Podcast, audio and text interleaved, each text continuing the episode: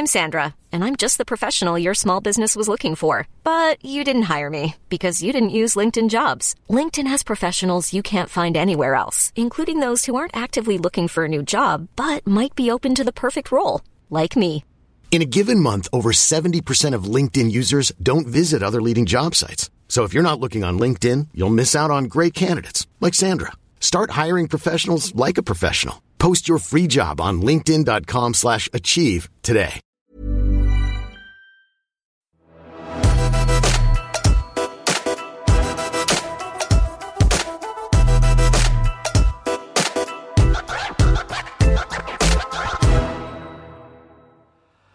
Jeg skulle ta for meg Apples App Tracking Transparency, som nå har dukket opp da med IOS 14,5.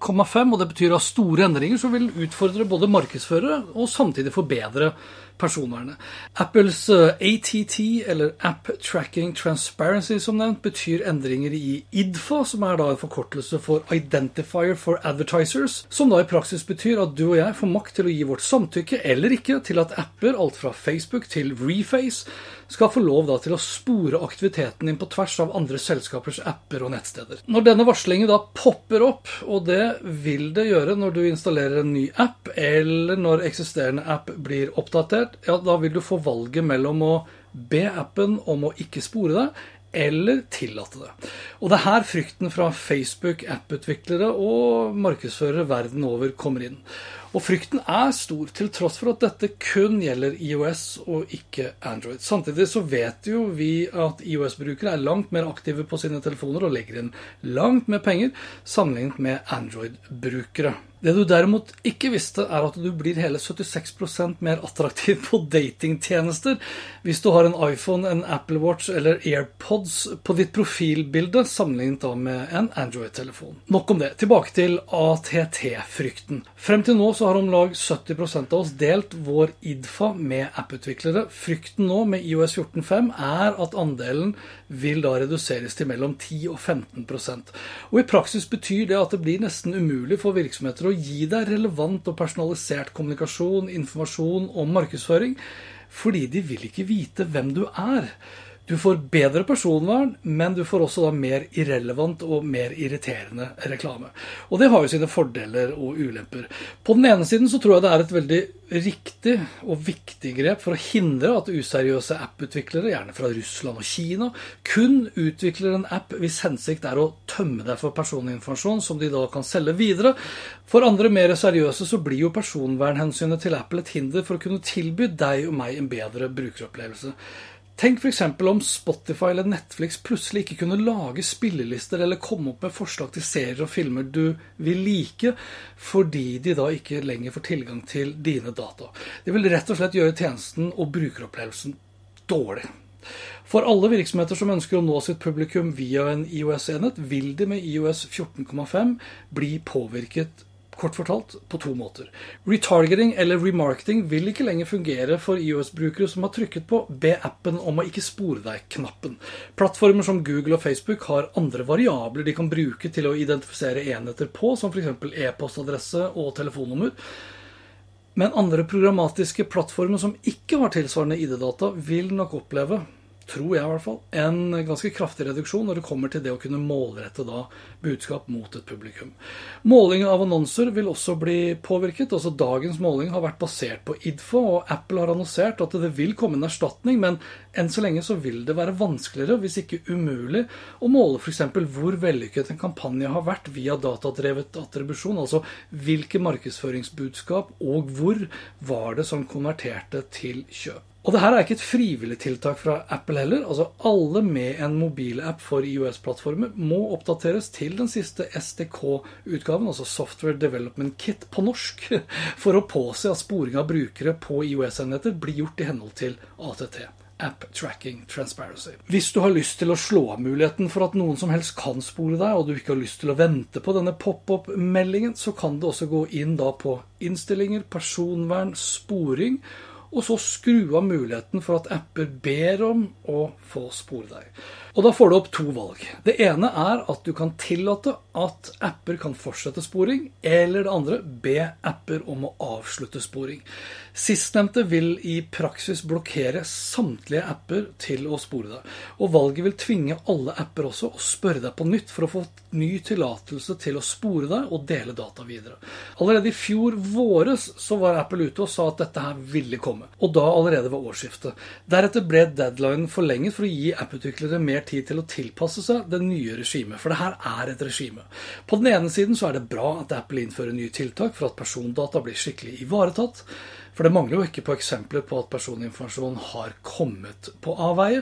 Gang på gang har bl.a. Facebook måttet be om unnskyldning for nettopp dette, og gang på gang har de også da blitt bøtelagt, samtidig som aksjekursene har steget, fordi bøtene antakeligvis da ikke var store nok. Endringene i IDFA kan derimot koste veldig dyrt. Dessverre også for markedsførere som får det tøffere med å tilby personalisert og målretta markedsføring i tiden fremover. Og for IOS-brukere som får like mye reklame som før, vi kommer bare til å få mye dårligere reklame enn før. Iallfall da enn så lenge, for det jobbes i kulissene blant flere aktører om å da lage alternative løsninger. Google annonserte nylig sin nye måte å spore oss på, og da uten å spore oss. Altså I stedet for å spore oss ned på individnivå, så skal vi da i stedet bli tillagt kohorter.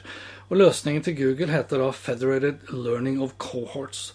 TikTok jobber på sin side med en løsning for å komme seg forbi hele IDFA-endringen, mens diverse medieselskaper, bl.a. i Tyskland, varsler nå et søksmål mot Apple fordi de hevder at Apples egentlige agenda er å lansere sin egen annonseløsning, og at tiltaket representerer i så måte et misbruk av markedsmakt og er et direkte brudd på konkurranseloven.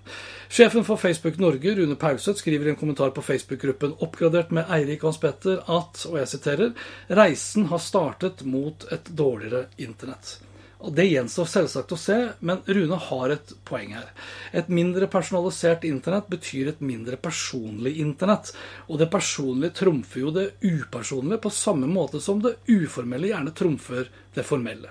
Tillit er nok stikkordet her. Umiddelbart vil nok de fleste tenke at det er best å ikke bli spora, men det kommer jo også an på hvem det er som spør. Til Nettavisen i juni 2020 mente jeg da, og det mener jeg fortsatt, at det er de useriøse som vil tape mest. Altså de med minst tillit. Og her sliter jo Facebook med nettopp tilliten. På den samme Facebook-gruppen oppgradert med Eirik Hans Petter, så spurte jeg også om de ville stoppe eller tillate sporing, altså medlemmene på gruppen.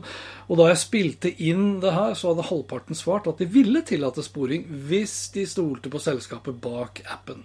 Kun 10 derimot hadde svart at de ville tillate det hvis det var Facebook som spurte. I en tid med stadig økende fokus på personvern, så blir tillit stadig mer verdifullt. Og det må vel sies å være bra, selv om det kan gå utover brukeropplevelsen til tider. Vi snakkes, og lykke til!